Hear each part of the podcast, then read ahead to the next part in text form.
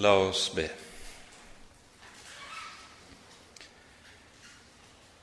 Kjære gode Herre, hellige Gud og Far. Så takker og lover vi deg for all din nåde og all din godhet imot oss. Takk, Hellige Herre, at vi skal få være dine barn for Jesus skyld, og at i ham har du gitt oss syndenes forlatelse og holder oss oppe dag for dag til målet hos deg. Takk, Hellige Herre, at du bruker alt som kommer i vår vei, til vårt gagn og til, vårt, til vår frelse. Så lær oss, Herre, den visdom som er av deg, at vi også kan få tenke rett om livet og veien her i verden. Send din Hellige Ånd og vær hos oss denne kvelden. Amen.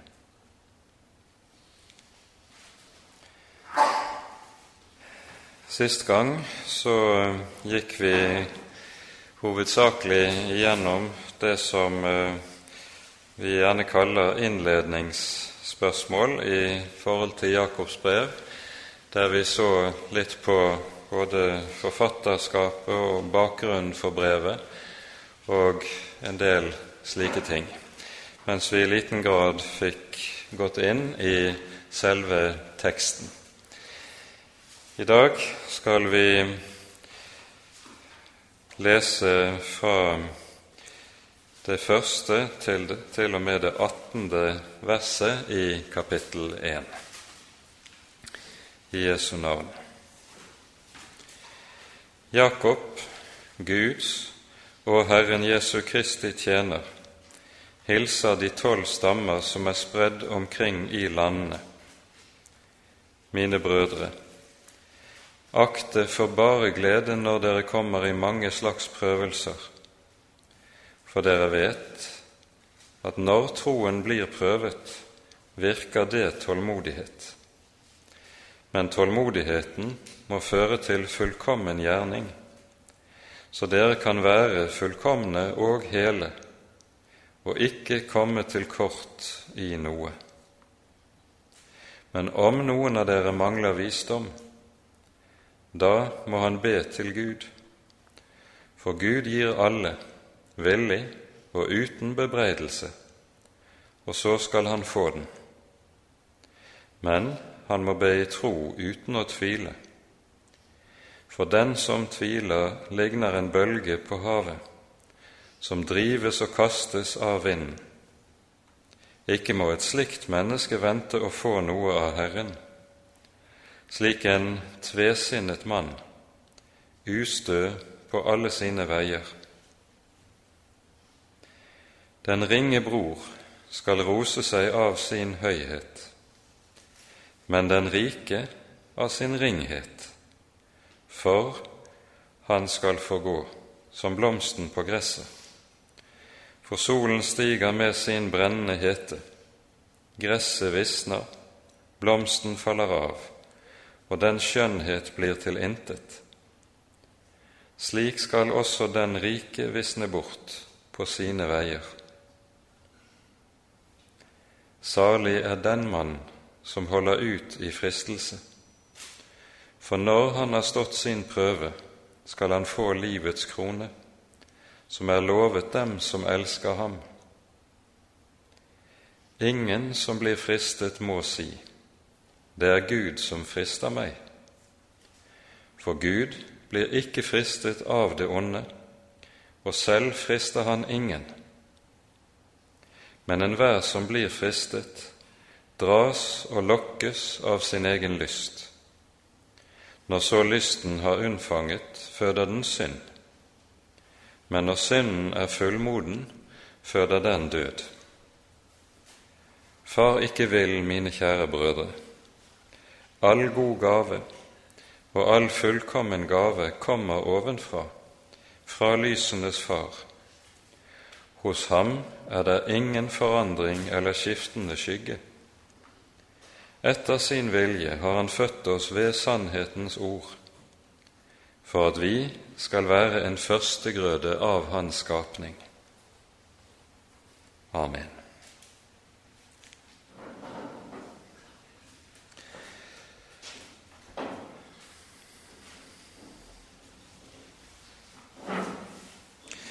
Jakob begynner det budskapet han har til oss i dette brevet, med å tale om de prøvelser som troende mennesker må gjennom her i verden. Og det er en underlig begynnelse på dette avsnittet, for han sier 'akte for bare glede når dere kommer i mange slags prøvelser. For den naturlige menneskelige fornuft er det jo motsatt vei, at prøvelser og trengsler, vansker og nød som vi stilles overfor her i livet, det er noe som volder sorg, anfektelse kanskje sågar, smerte for oss mennesker. Men nå sier altså Jakob at vi skal tenke rakt motsatt vei om slike ting. Bak dette ligger det som har med den kristne visdom å gjøre, og som han vender til eller taler om i vers 5. Den kristne visdom har det med seg at den er radikalt forskjellig fra den visdom som kjennetegner denne verdens mennesker. Vi kommer tilbake til det, men la oss nå først se på disse tre versene, vers 2 til 4. Det som nemlig her sies, det er noe vi møter igjen i hele Det nye testamentet. I Romane 5 så sier Paulus, når han etter å ha talt om at vi som kristne roser oss av håp om Guds herlighet, så følger det i verset etterpå ja, ikke bare det, men vi roser oss også av våre trengsler det er altså samme tankegangen som vi møter igjen der. Og eh, i første Peters brev finner vi også det samme igjen i flere avsnitt, først og fremst i kapittel 1 og i kapittel 4. Vi tar oss ikke tid til å lese dette i denne omgang, men jeg gjør bare oppmerksom på dette. Og vi hører Jesus si i bergpreken Salige er dere når de forfølger dere og lyver dere alle hånder ondt på for mitt navns skyld. I det hele tatt er det jo slik at Jesus i saligprisningene i bergprekenen sier 'salig' om slike mennesker som man normalt ville si stakkars dem om. Altså Jesus sier det rakt motsatte av det som den vanlige menneskelige tankegang vil si. Og det samme sak som Jakob også understreker i denne sammenheng. Vi skal også legge merke til to særlige ting i vers 2. For det første så sies det når dere kommer i mange slags prøvelser. Han spesifiserer altså ikke én bestemt type prøvelser. Det er nemlig lett å tenke slik at når det er tale om prøvelser på dette vis i Det nye testamentet, da tenkes det særlig på forfølgelse for Jesu navns skyld. Og det er klart at dette er noe av det sentrale, eller den sentrale prøvelse som troende mennesker kan utsettes for. Men når han sier mange slags prøvelser, så er det dermed også gitt at han ikke begrenser det til én bestemt type nød, trengsel eller prøvelse. For prøvelsene kan være mangfoldige her i verden.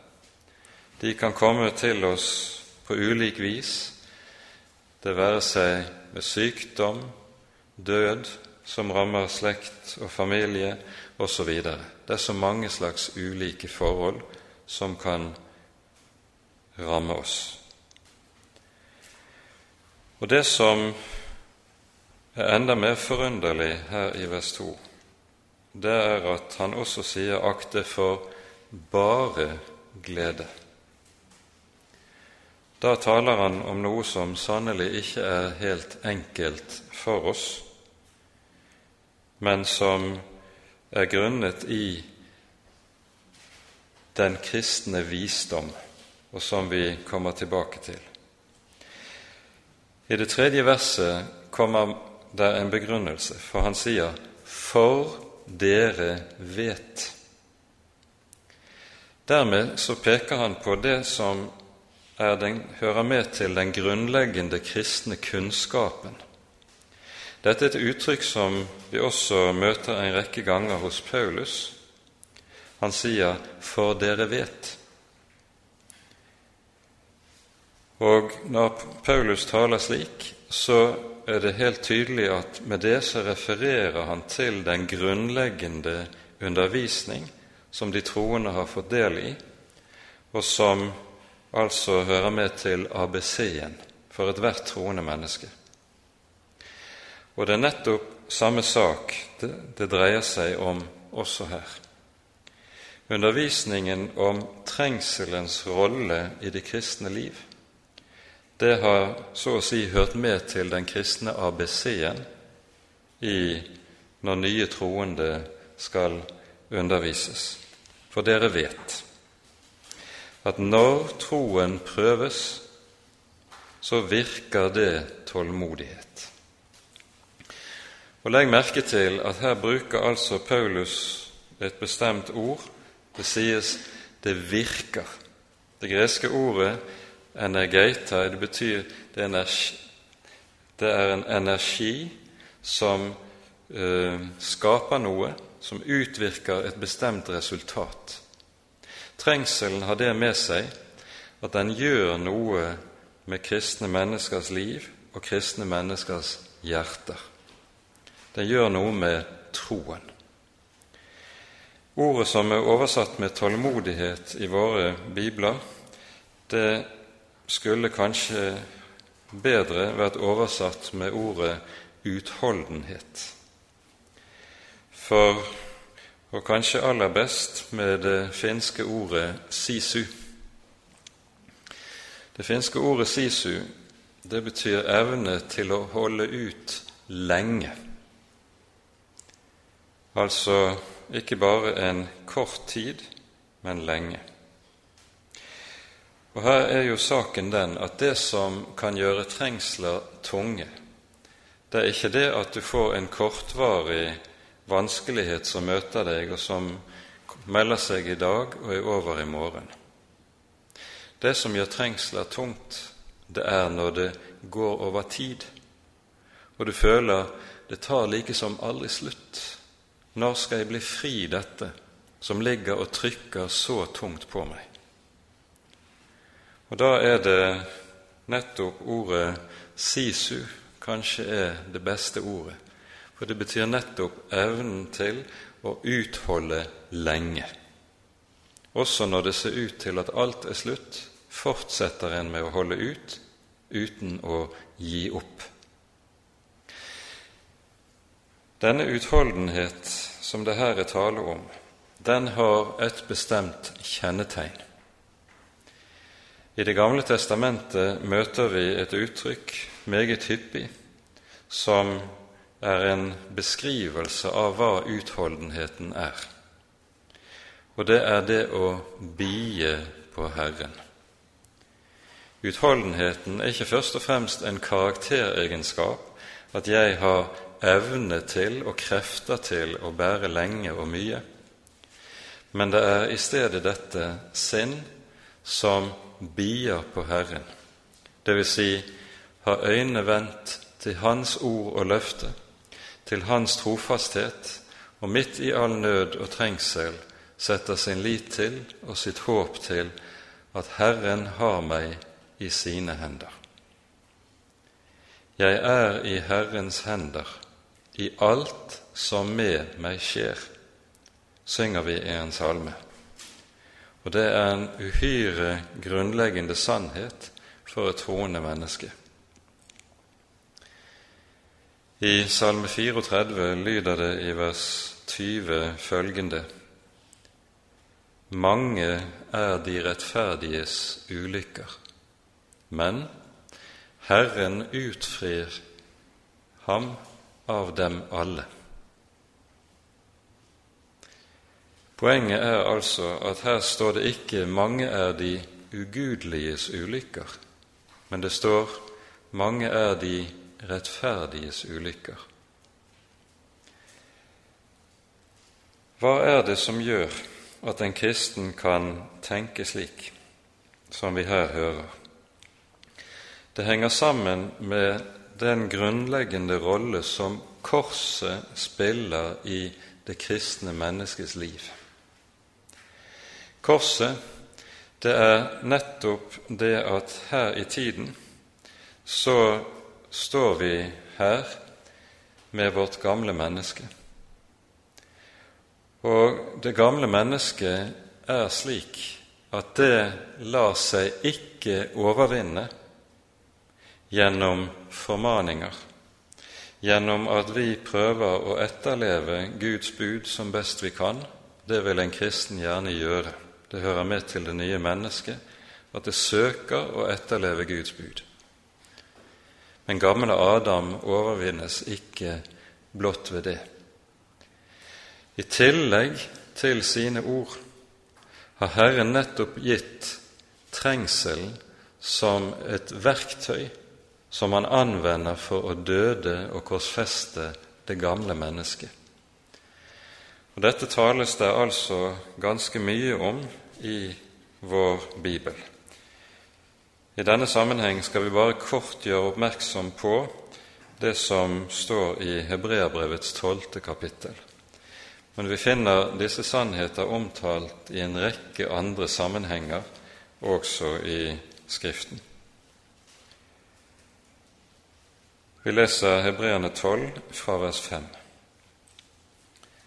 Dere har glemt den formaning som taler til dere som til barn. Min sønn, forakt ikke Herrens tukt, og mist ikke motet når du blir refset av ham.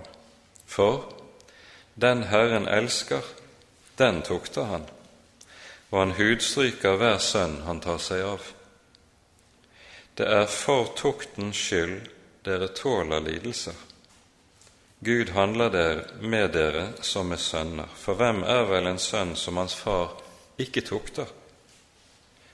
Men hvis dere er uten tukt, som alle har fått sin del av, da er dere uekte barn og ikke sønner. Dessuten, vi hadde våre jordiske fedre til å tukte oss, og vi hadde ærefrykt for dem. Skal vi da ikke meget mer bøye oss for åndenes far, så vi kan leve. For de tuktet oss jo bare for en kort tid, slik de fant det rett og riktig. Men han tukter oss til vårt gagn, for at vi skal få del i Hans hellighet. Og Merk den hensiktssetningen som det slutter med her for at vi skal få del i Hans hellighet. Det er nettopp dette som er korsets rolle i en kristens liv. Det gjør noe, en gjerning med oss, med dypet i vår natur. Gamle Adam dødes, og på denne måten er dette et Guds redskap, et redskap i Guds hånd, når han arbeider på våre liv og på våre hjerter. Og Derfor er det at Jakob slutter akkurat dette avsnittet som han gjør med det vi hører i det fjerde verset. Men tålmodigheten må føre til fullkommen gjerning, så dere kan være fullkomne og hele og ikke komme til kort i noe. Vi hørte det sto 'for at vi skal få del i Hans hellighet'. Det er nettopp dette at tukten har en helliggjørende gjerning på et kristent menneske. Der brytes hovmotet, der brytes egenviljen, der brytes trangen til selvhevdelsen som ligger ved roten hos gamle Adam.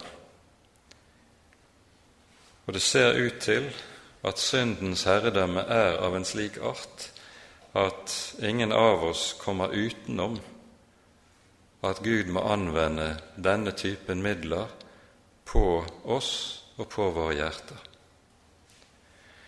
Og Derfor ser vi også at et troende menneske som er et prøvet menneske, en prøvet kristen, det er også en kristen som bærer frukt for Gud.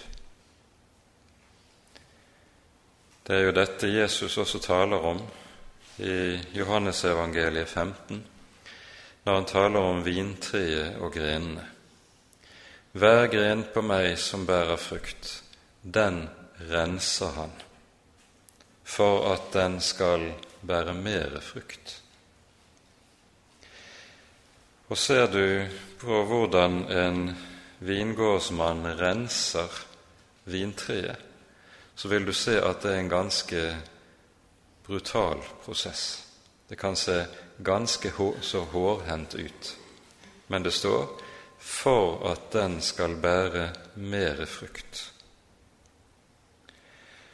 Og så sies det altså at hos Jakob her i det fjerde verset det pekes på fullkommen gjerning så dere kan være fullkomne og hele. Med dette menes ikke, og det er viktig å påpeke det, at det her forventes fullkommenhet etter loven. Det er ikke det det tenkes på i denne sammenheng. Men det det tenkes på, er at ord, det greske ordet som anvendes i grunnteksten, det sikter mot for det første modenhet. Altså, det skaper en åndelig modenhet, det å være i prøvelser. En åndelig modenhet som gjør at en ikke kommer i den stilling som det tales om i eh, Efeserbrevets fjerde kapittel, der det taler om den umodne i troen. Han er liksom en som drives hit og dit um, av de ulike vinder. Modenheten har det med seg at den rotfestes i troen. Når det taler om hele, så siktes det til at her kommer alle forhold i livet inn under Guds behandling og inn under Guds ledelse. Det er ikke slik at det er noen forhold i livet som jeg så å si får holde for meg selv, og som Herren ikke har noe med å gjøre. Å være hele, det betyr at Guds ord og Guds vilje integreres en måte, på en slik måte i livet at alle sider av livet kommer inn under ordets lys, og, under, og at det dermed blir det som her kalles for hel. Denne virkning som det her er tale om, hører vi mer om i Romerbrevets femte kapittel. Vi behøver ikke å gå nærmere inn på det i denne sammenheng, men peker bare også på det som sies i, Jakobs, i, unnskyld, i 1. Peters brev, i det første kapittelet. Her er det tale om hvorledes Herren ved sin makt holder oss oppe i troen inntil den frelse kommer som er ferdig til å bli åpenbart i den siste tid. Og så står det:" Derfor jubler dere av glede, selv om dere en liten stund nødvendigvis har sorg i mange slags prøvelser. Dette skjer for at deres prøvede tro, som er langt mer kostbar enn det forgjengelige gull, som jo lutres ved ild, skal finnes til lov og pris og ære ved Jesu Kristi åpenbarelse. Gullet lutres i ild, troen i prøvelser. Det er samme sak det taler om i denne sammenheng. Når vi her taler altså om korsets rolle, så handler det om at Gud på denne måten lar en kristen få dele kår med Jesus. Og så sier Paulus i Romerbrevets åttende kapittel at så fremt vi lider med ham, sammen med ham, så skal vi også herliggjøres med ham. Altså det sammen med Jesus i alle ting. Og det er jo slik en kristen også kan bære sin nød og sin trengsel. Det er med Jesus, sammen med Jesus. Så fortsetter Jakob fra vers 5. Om noen av dere mangler visdom, da må han be til Gud. For Gud gir alle villig og uten bebreidelse, og så skal han få. Det er jo slik at når vi står overfor store vansker og nød i livet, så skaper det ofte forvirring hos oss. Vi føler at nettopp det at vi ikke ser og ikke forstår det vi er oppe i, det bidrar til å øke smerten og gjøre det ytterligere vanskelig. Derfor er det Jakob nettopp i denne sammenheng taler om dersom noen mangler visdom, da. Be Nettopp i slik forvirring, i slik fortvilelse som en da kan oppleve, så skal en få lov til å søke etter den visdom som er ovenfra. Og Her må vi si noen korte ord om visdommen i Bibelen. For det er slik i vår bibel at det vi hører om visdommen i Bibelen, det skiller seg også radikalt fra det som var visdomsbegrepet i den hedenske kultur, og ikke minst i den greske kultur som evangeliet var forkynt inn i. Den greske visdommen det er en form for visdom som bygger på spekulasjon over de høye og de dype ting i tilværelsen, og som sådan er den greske visdommen derfor også i meget stor utstrekning teoretisk rettet. I Bibelen er det annerledes. Der er visdommen noe som er praktisk. Det Kanskje det beste oversettelsen av ordet visdom i Det gamle testamentet hadde vært vårt ord livsvisdom for det griper meget nærmere hva som ligger i dette begrepet. Det er en visdom som handler om hvorledes en praktisk lever. Og visdommen i, slik den omtales i Det gamle testamentet, den er av en slik art at den som er vis, han er god. Og altså den som er ond, han er ikke vis, om han ellers er aldri så intelligent eller klok på alle mulige andre områder av livet. Den som er ond, er en dåre. Slik taler Skriften om den saken. Det er jo også slik at vi har noen skrifter i vår bibel som i særlig utstrekning er viet nettopp visdommens. Det kalles for visdomslitteraturen i Det gamle testamentet. Det er særlig ordspråkene og Forkynnerens bok, men vi kan også nevne Jobbs bok og en rekke av salmene i Salmenes bok. Vil du lære visdom i ordets bibelske forstand å kjenne, så er disse skriftene i vår bibel helt avgjørende å beskjeftige seg med. Nå er det slik at Jakob sier om noen av dere mangler visdom, da må han be til Gud. Med det pekes det på det avgjørende at visdom i ordets bibelske forstand er ikke noe som et menneske selv kan tenke seg frem til. Det er heller ikke noe som et menneske naturlig vinner frem til gjennom sin erfaring gjennom et langt liv. Visdom er noe som gis av Gud, og som derfor nettopp, slik Jakob taler om det, må utbes.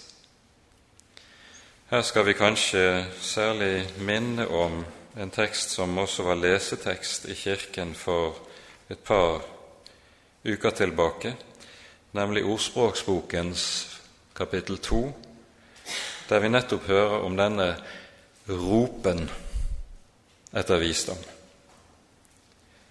Her leser vi fra begynnelsen av ordspråkene to. Min sønn, dersom du tar imot mine ord og gjemmer mine bud hos deg, så du vender ditt øre til visdommen og bøyer ditt hjerte til klokskapen, ja, dersom du roper etter innsikten og løfter din røst for å kalle på forstand, dersom du leter etter den som etter sølv og graver etter den som etter skjulte skatter, da skal du forstå Herrens frykt og finne kunnskap om Gud, for Herren er den som gir visdom. Fra Hans munn kommer kunnskap og forstand.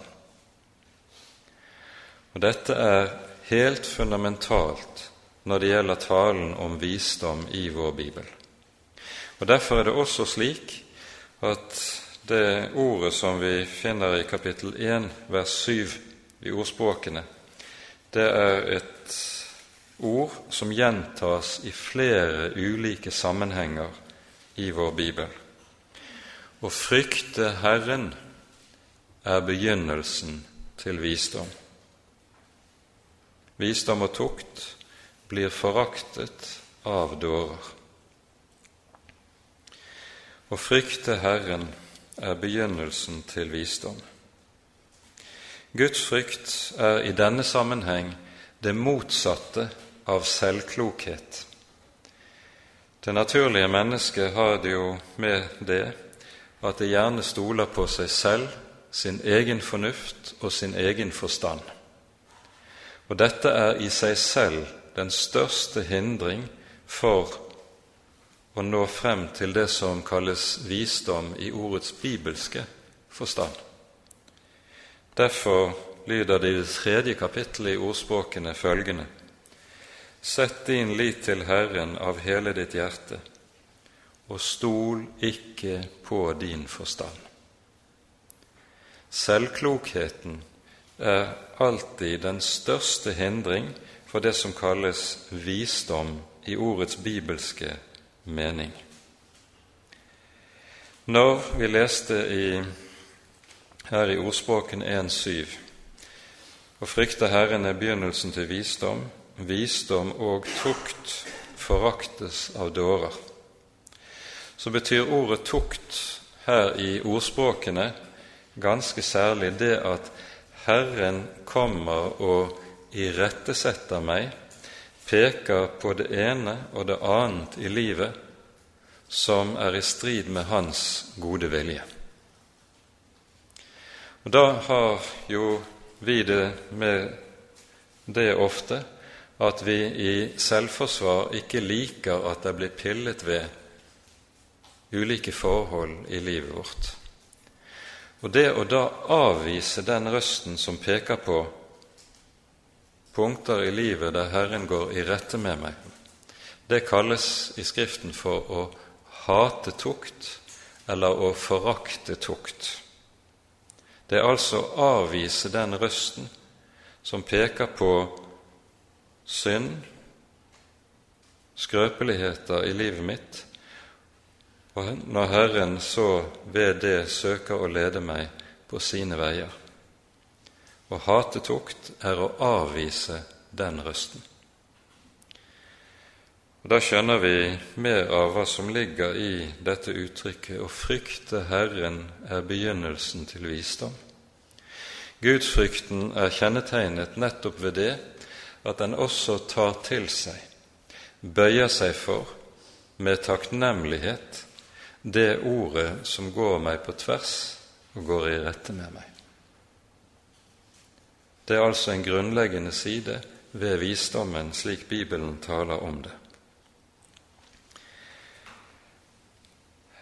Her hos Jakob sies det altså om noen av dere mangler visdom, da må han be til Gud. For Gud gir alle villig og uten bebreidelse, og så skal han få. Bakom det som her sies i andre halvdel av verset, ligger antagelig Jesu ord i Lukasevangeliets ellevte kapittel. Dersom da dere som er onde, vet å gi deres barn gode gaver, hvor meget mer skal da ikke Han som er deres Far i himmelen, vite å gi dere alt dere trenger til? Hvilken far som har en sønn som ber om et brød, vil gi ham en stein? Eller som ber om et egg, gi ham en orm i stedet? Dersom da dere som er onde, vet å gi deres barn gode gaver, hvor meget mer deres himmelske Far. Så følger det i vers 6.: Men han må be i tro, uten å tvile. Dette er et ord som har voldt mange troende vansker. For tvilen er jo noe som kan ligge ganske nær innpå oss alle. Og hvis det står et slikt forbehold i teksten, så kan en jo stille seg spørsmålet om med hvilken frimodighet jeg da kan be til Gud. Her er det viktig å være klar over at det ordet som her anvendes i grunnteksten for å oversatt med å tvile, det er et ord som i grunnbetydning ligger nærmere det å tvi og stride med og protestere imot. Det er altså et sinn det taler om her, ikke et sinn som strever med å tro, men det taler om et sinn som ligger i kiv med sin Herre og sin Gud, fordi det ikke vil bøye seg for Hans ord. Det er det som her benevnes som tvil. Og ordet tvil er kanskje dermed også en uheldig oversettelse i denne sammenheng. Det ligger vel meget nærmere noe av det som er meningen i eh, dette ordet, i det vi hører i 1. Johannes brev, 5. kapittel, der det tales slik i det tiende verset. Den som tror på Guds sønn, har vitnesbyrde i seg selv. Den som ikke tror Gud, har gjort ham til en løgner, fordi han ikke har trodd det vitnesbyrd Gud har vitnet om sin sønn. Og Det er noe av det som ligger i begrepet som anvendes her hos Jakob. Det er et sinn som ikke tror Guds ord og løfter, men tvert om strider med sin Herre. Et slikt sinn er ikke rotfestet. For det å være rotfestet når Skriften taler om det, det er å være rotfestet i Guds ord, og da står en fast. Da drives en ikke hit eller dit. Et sinn som tviler i denne mening av ordet som vi her hører, Det er et sinn som er festet i det som ligger utenom, og ikke i Guds løfter. Troen har alltid det som sitt kjennetegn. Den holder på, den tviholder på Guds eget ord og løfte. Og så skjønner vi hva det taler om i denne sammenheng. Nå fortsetter Jakob fra vers 9 av og går videre med å tale om en del av det som kjennetegner visdommen. For det er nettopp visdomstale i den betydning som vi møter i ordspråksboken, som vi nå finner videre utover i Jakobs brev. For det første så stiller han opp overfor hverandre den ringe og den rike. Den ringe bror skal rose seg av sin høyhet, sies det. I Det nye testamentet ser vi at det i all hovedsak var slik at de som kom til tro på Jesus og tok imot evangeliet, det var det som Paulus omtaler i 1. Korinterbrevs første kapittel. Legg merke til det kall dere fikk, brødre. Ikke mange vise etter kjødet ble kalt, ikke mange mektige, ikke mange av høy ett. Men det dåraktige i verden, det utvalgte Gud seg for å gjøre de vise til skamme. Det som er svakt i verden, det utvalgte Gud seg for å gjøre det sterke til skamme. Det som er lavt i verden, det som er foraktet, det utvalgte Gud seg, det som ingenting er, for å gjøre det til intet som er noe, for at intet kjød skal rose seg for Gud.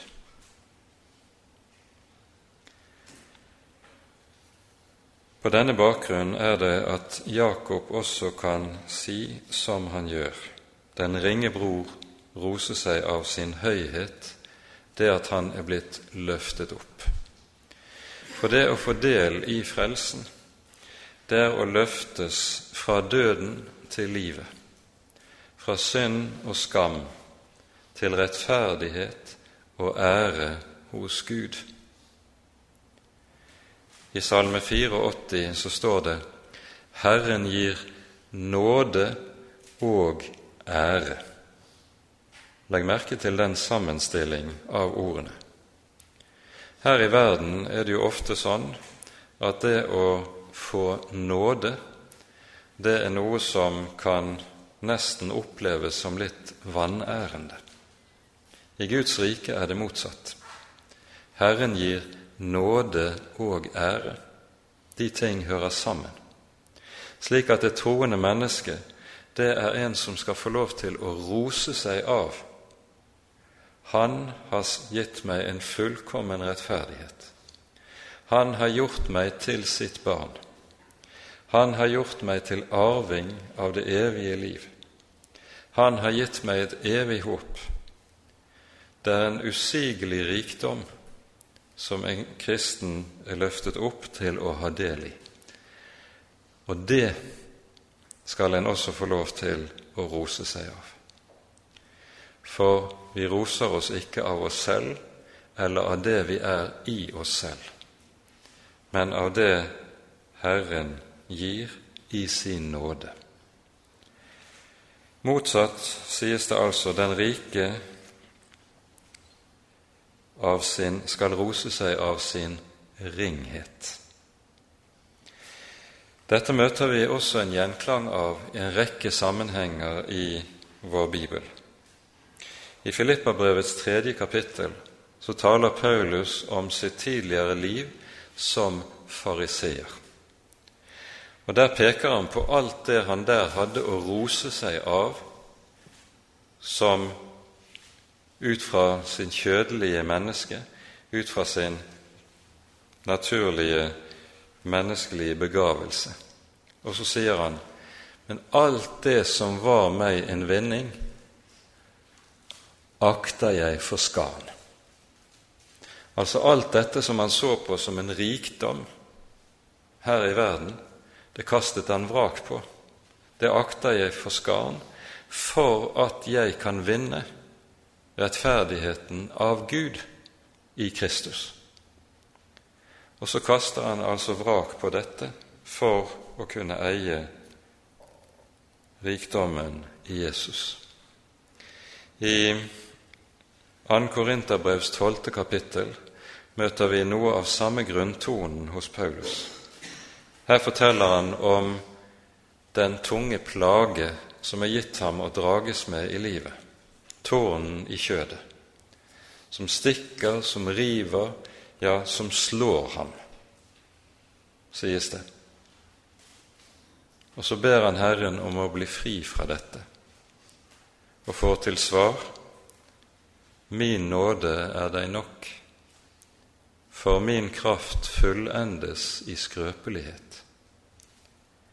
Kraften fullendes ikke i at Paulus blir sterk, i at Paulus blir fri fra alt det som trykker og trenger ham, men tvert om, nettopp i svakhet i at Paulus blir svak og hjelpeløs, er det at Herren kan fullføre sin gjerning i ham og gjennom ham.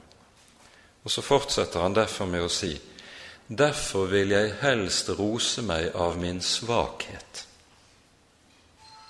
Ja, det er andre toner enn det som er det naturlige menneskets tankegang. Grunnordet i vår bibel til det vi her taler om, det finner vi i Jeremia-bokens niende kapittel, og vi tar oss tid til å lese de par versene. Det er Jeremia 9, vers 23 og 24. Det står slik:" Så sier Herren:" Den vise skal ikke rose seg av sin visdom. Den sterke skal ikke rose seg av sin styrke, og den rike ikke rose seg av sin rikdom. Men den som vil rose seg, la ham rose seg av at han er forstandig, nemlig i den betydning at han kjenner meg, at jeg er Herren, som gjør miskunn, rett og rettferdighet på jorden. For i det har jeg velbehag, sier Herren. Sist søndag ble det også lest fra Jesaja 2 som en av lesetekstene fra Det gamle testamentet. Herren har satt en dag til dom over alt som er høyt, alt som er stolt, osv. Og, og det er den samme sannhet som går igjen i det som Jakob peker på med ord fra Jesaja-bokens 40. kapittel, her i vers 10 og vers 11. Alt det som mennesket setter sin lit til, roser seg av og er sterkt og ser mektig ut her i verden, det skal falle og forvitre. Og så lyder det til slutt i Isaiah 2.: Så hold da opp med å stole på mennesket i hvis nese det bare er et pust. Det å rose seg av sikter altså på dette hva er det jeg setter min stolthet i? Er det noe jeg er i meg selv, har å fare med ut fra mine egne forutsetninger? Da skal det falle og forvitre. Mens motsatt roser jeg av meg av det som er gitt meg i Herren, så har jeg det som holder og som bærer utover tidens grenser. Nå fortsetter Jakob og vender tilbake til dette som han begynner kapittelet med prøvelse, fristelse. Salig er den mann som holder ut i fristelse for når han har stått sin prøve, skal han få livets krone, som er lovet dem som elsker ham. Her minner vi bare om at det ordet som her er oversatt med fristelse, det er det samme ordet som i vers 2 er oversatt med prøvelse.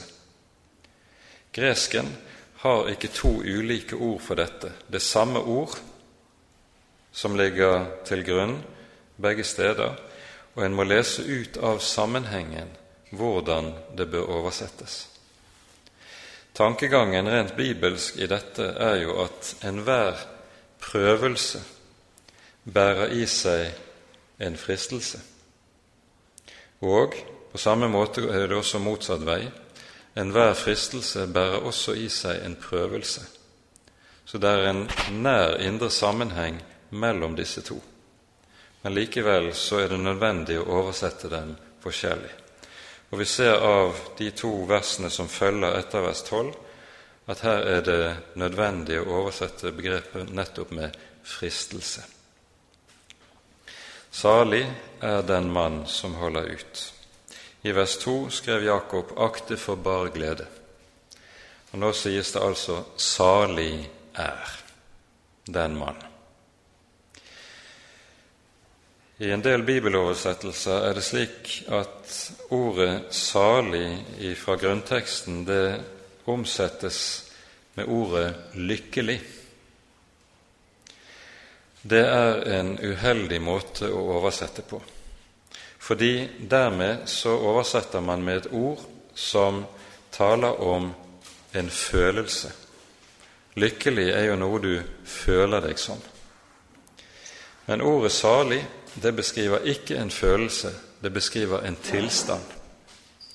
Nemlig at du er i den bestemte tilstand at du er under Guds velsignelse i den situasjonen.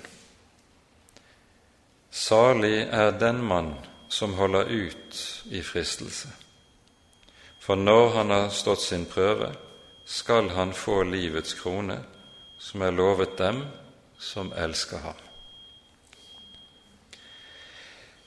Livets krone, som det her sikter til, er tale om, det er ordet krans som eh, anvendes i grunnteksten. Og i eh, antikken var det slik at dette ordet særlig ble anvendt eh, på, om de som vant i idrettslekene. F.eks. den som vant i de olympiske leker. Han fikk laurbærkransen. Så er det tale om den som seirer. Han får kransen, som er lovet, altså. Og så følger det som vi hører i vers 13. Ingen som blir fristet, må si:" det er Gud som frister meg. Med dette så stilles vi overfor noe som er dypt allmennmenneskelig, og som vi ser allerede på syndefallets dag. Når Adam og Eva har falt i synd, så hører vi at det første Adam gjør, det er at han begynner å skylde på Gud. Herren søker Adam og Eva opp etter fallet og spør, Hvor er du? Hva har du gjort? Og Adam svarer, Kvinnen som du ga meg, ga meg av treet, og jeg åt. Og i dette uttrykket at Adam svarer som han gjør, 'Kvinnen som du ga meg', så vil Adam med det skyve skylden på sitt eget fall over på Gud. Altså han fraskriver seg ansvar og sier det er egentlig din skyld, Gud, at jeg har falt. For hadde det ikke vært for at du ga meg Eva, så hadde ikke dette kommet til å skje. I dette ligger det altså noe dypt allmennmenneskelig. At mennesket søker å skyve ansvaret for både egen synd, egen ondskap over på Gud, og med det fraskrive seg ansvar. Vi møter en, for øvrig en moderne variant av noe av dette eh, innenfor eh, den homofile bevegelse, som taler om at man er skapt slik, altså skapt med en syndig drift. Bibelen lærer oss at Gud har skapt alle mennesker. Men han har ikke skapt synden i oss.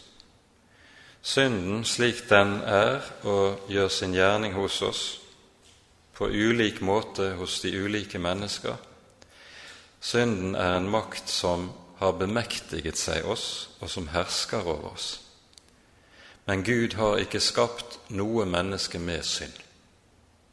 Og det er viktig å være klar over, slik Bibelen tenker om disse tingene. Ingen som fristes, må si, det er Gud som frister meg. For Gud blir ikke fristet av det onde, og selv frister han ingen. Her bruker grunnteksten et helt spesielt uttrykk som vi ikke finner i så ofte eh, verken i vår bibel eller i klassisk gresk. Det er et uttrykk som betyr det kan bety flere ting, men først og fremst har som grunnbetydning at det onde har ingen makt over Gud. Det har ingen plass i Gud. I 1. Johannes brev 1,5 tales det om Guds hellighet slik. Dette er det budskap vi har hørt av ham. Gud er lys, og det er intet mørke i ham. Avgudene i antikken, de hadde mørke i seg. De var både onde og gode. De kunne gjøre både godt og edelt og ondt og være grusomme. Slik er ikke Bibelens Gud. Han er god uten noe som helst innblanding av noe som ondt er eller urent. Men enhver fristes i det han dras og lokkes av sin egen lyst, fortsetter Jakob. Når så lysten er unnfanget, føder den død, og når synden er fullmoden, føder den død. Unnskyld, når lysten er unnfanget, føder den synd, og når synden er fullmoden, føder den død. Ordet som anvendes om lyst her, det er det ordet som vi også hører i Romerbrevets syvende kapittel, når Paulus gjengir niende og tiende bud i forkortet form. Du skal ikke begjære. Det er det samme ordet som anvendes i grunnteksten her. Du skal ikke begjære. For det grunnleggende som sies med niende og tiende budet her da, det er at ikke bare de syndige handlinger er i seg selv synd, men også lysten til å synde er synd. Og Derfor sies det 'du skal ikke begjære'. Altså, du skal ikke ha lyst til synd. Det er det som ligger i budet. Men denne drift, lyst, trang til, glede over det urene og det onde, det er noe som ligger i menneskets hjerte fra fallets dag av. Og Jesus taler om dette i Matteusevangeliet i det 15. kapittel, når han beskriver det gamle mennesket. Fra hjertet kommer, sier han, mord, hor, ond lyst osv. Det listes opp en hel rekke ting som i sin sum dreier seg om brudd mot de ti bud. Poenget er dette kommer fra hjertet. Det er ikke noe som kommer utenfra, men det ligger i vår natur fordi vi er falne mennesker. Det å være en kristen, det handler i denne sammenheng om det som Paulus underviser så inngående om i Romerbrevets sjette kapittel. By ikke deres lemmer frem for synden som urettferdighetsvåpen, men byr dere frem for, for Gud og deres lemmer som rettferdighetsvåpen for ham. Det handler om, og vi skal tale mer om dette senere i gjennomgangen av Jakobs brev, om hvorledes det gamle mennesket dødes, og så skal lemmene våre ikke være redskaper for gamle Adam, men for Herren. Vi skal komme tilbake til dette. Så ganske kort om vers 18. Det tales i det 17. verset først om på ny om hva det vil si at Han er den hellige Gud. Og så følger det i vers 18. Etter sin vilje har Han født oss ved sannhetens ord, for at vi skal være en førstegrøde av Hans skapning. Legg merke til det som her sies om gjenfødelsen. Det sies Han har født oss etter sin vilje, eller ved sin vilje, i kraft av sin vilje. Det samme sak Johannes er inne på i innledningen til Johannesevangeliet, der det står alle dem som tok imot ham, dem ga han rett til å bli Guds barn. Og de er født ikke av manns vilje, heller ikke av kjød, heller ikke av blod, men av Gud. Det er altså ikke slik at et menneske blir født på ny gjennom å bestemme seg for å bli en kristen. Ingen blir født inn i verden gjennom å bestemme seg. Slik gjelder det det naturlige menneskelige liv, og slik gjelder det også med livet i Gud. Og Derfor understreker Jakob, sånn som det her står, at det er Gud som føder ved sin vilje, ikke ved min. Og denne hans vilje, den er virksom gjennom Hans ord. Det er ordet i evangeliet som gjenføder, som skaper det nye livet hos en kristen. Og det er det som Jakob her vil understreke i denne sammenheng. Like som Gud i begynnelsen skapte alle ting ved sitt ord, slik er det også i det åndelige liv. Han skaper og utvirker alle ting ved sine ord. Det er ikke tid for å tale mer om det i denne omgang. Med dette skal vi stanse. Men etter sin vilje har Han født oss ved sannhetens ord, for at vi skal være en førstegrøde av Hans skapning. Det var Guds hensikt med hver enkelt av oss. Ære være Faderen og Sønnen og Den hellige ånd, som var og er og være skal en sann Gud, høylovet i evighet. Amen.